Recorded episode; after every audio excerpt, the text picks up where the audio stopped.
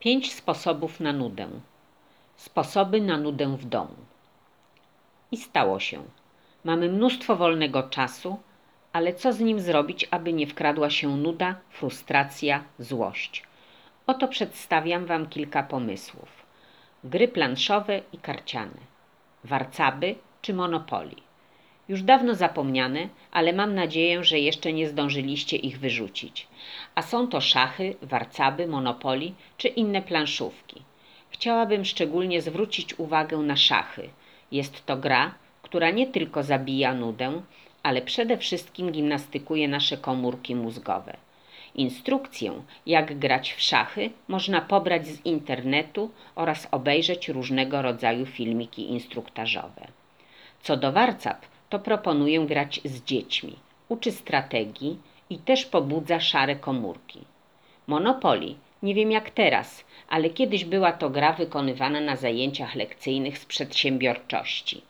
Warto też odgrzebać ją w zakamarkach. Rodzinną grą jest Rumikub. Gorąco ją rekomenduję.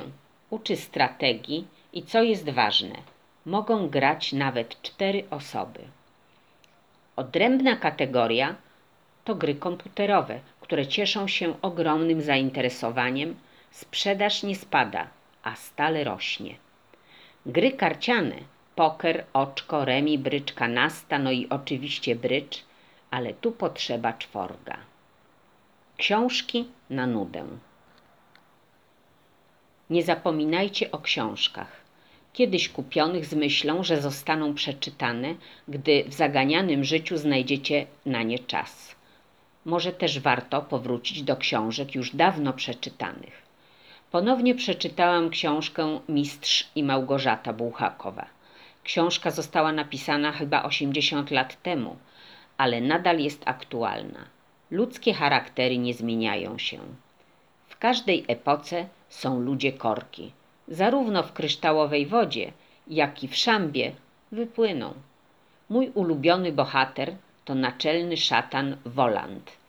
I jak to z diabłami bywa, jest mądry, doskonale zna ludzkie przywary i jest sprawiedliwy.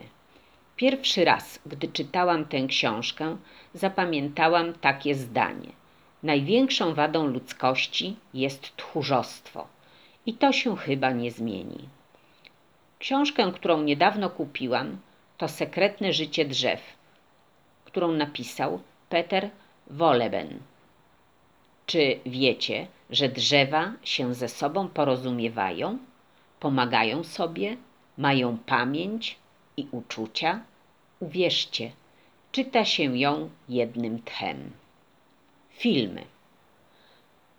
To samo dotyczy zarówno filmów należących do światowego kanonu, które powinniście zobaczyć, jak i Waszych ulubionych seriali. Warto wspólnie obejrzeć film i stworzyć rodzinne kółko dyskusyjne.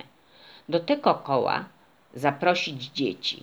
Zbliża to bardzo rodzinę, a przy okazji możesz poznać własne dziecko, chociażby jakie ma poglądy na wiele spraw, na przykład dotyczących nastolatków i nie tylko.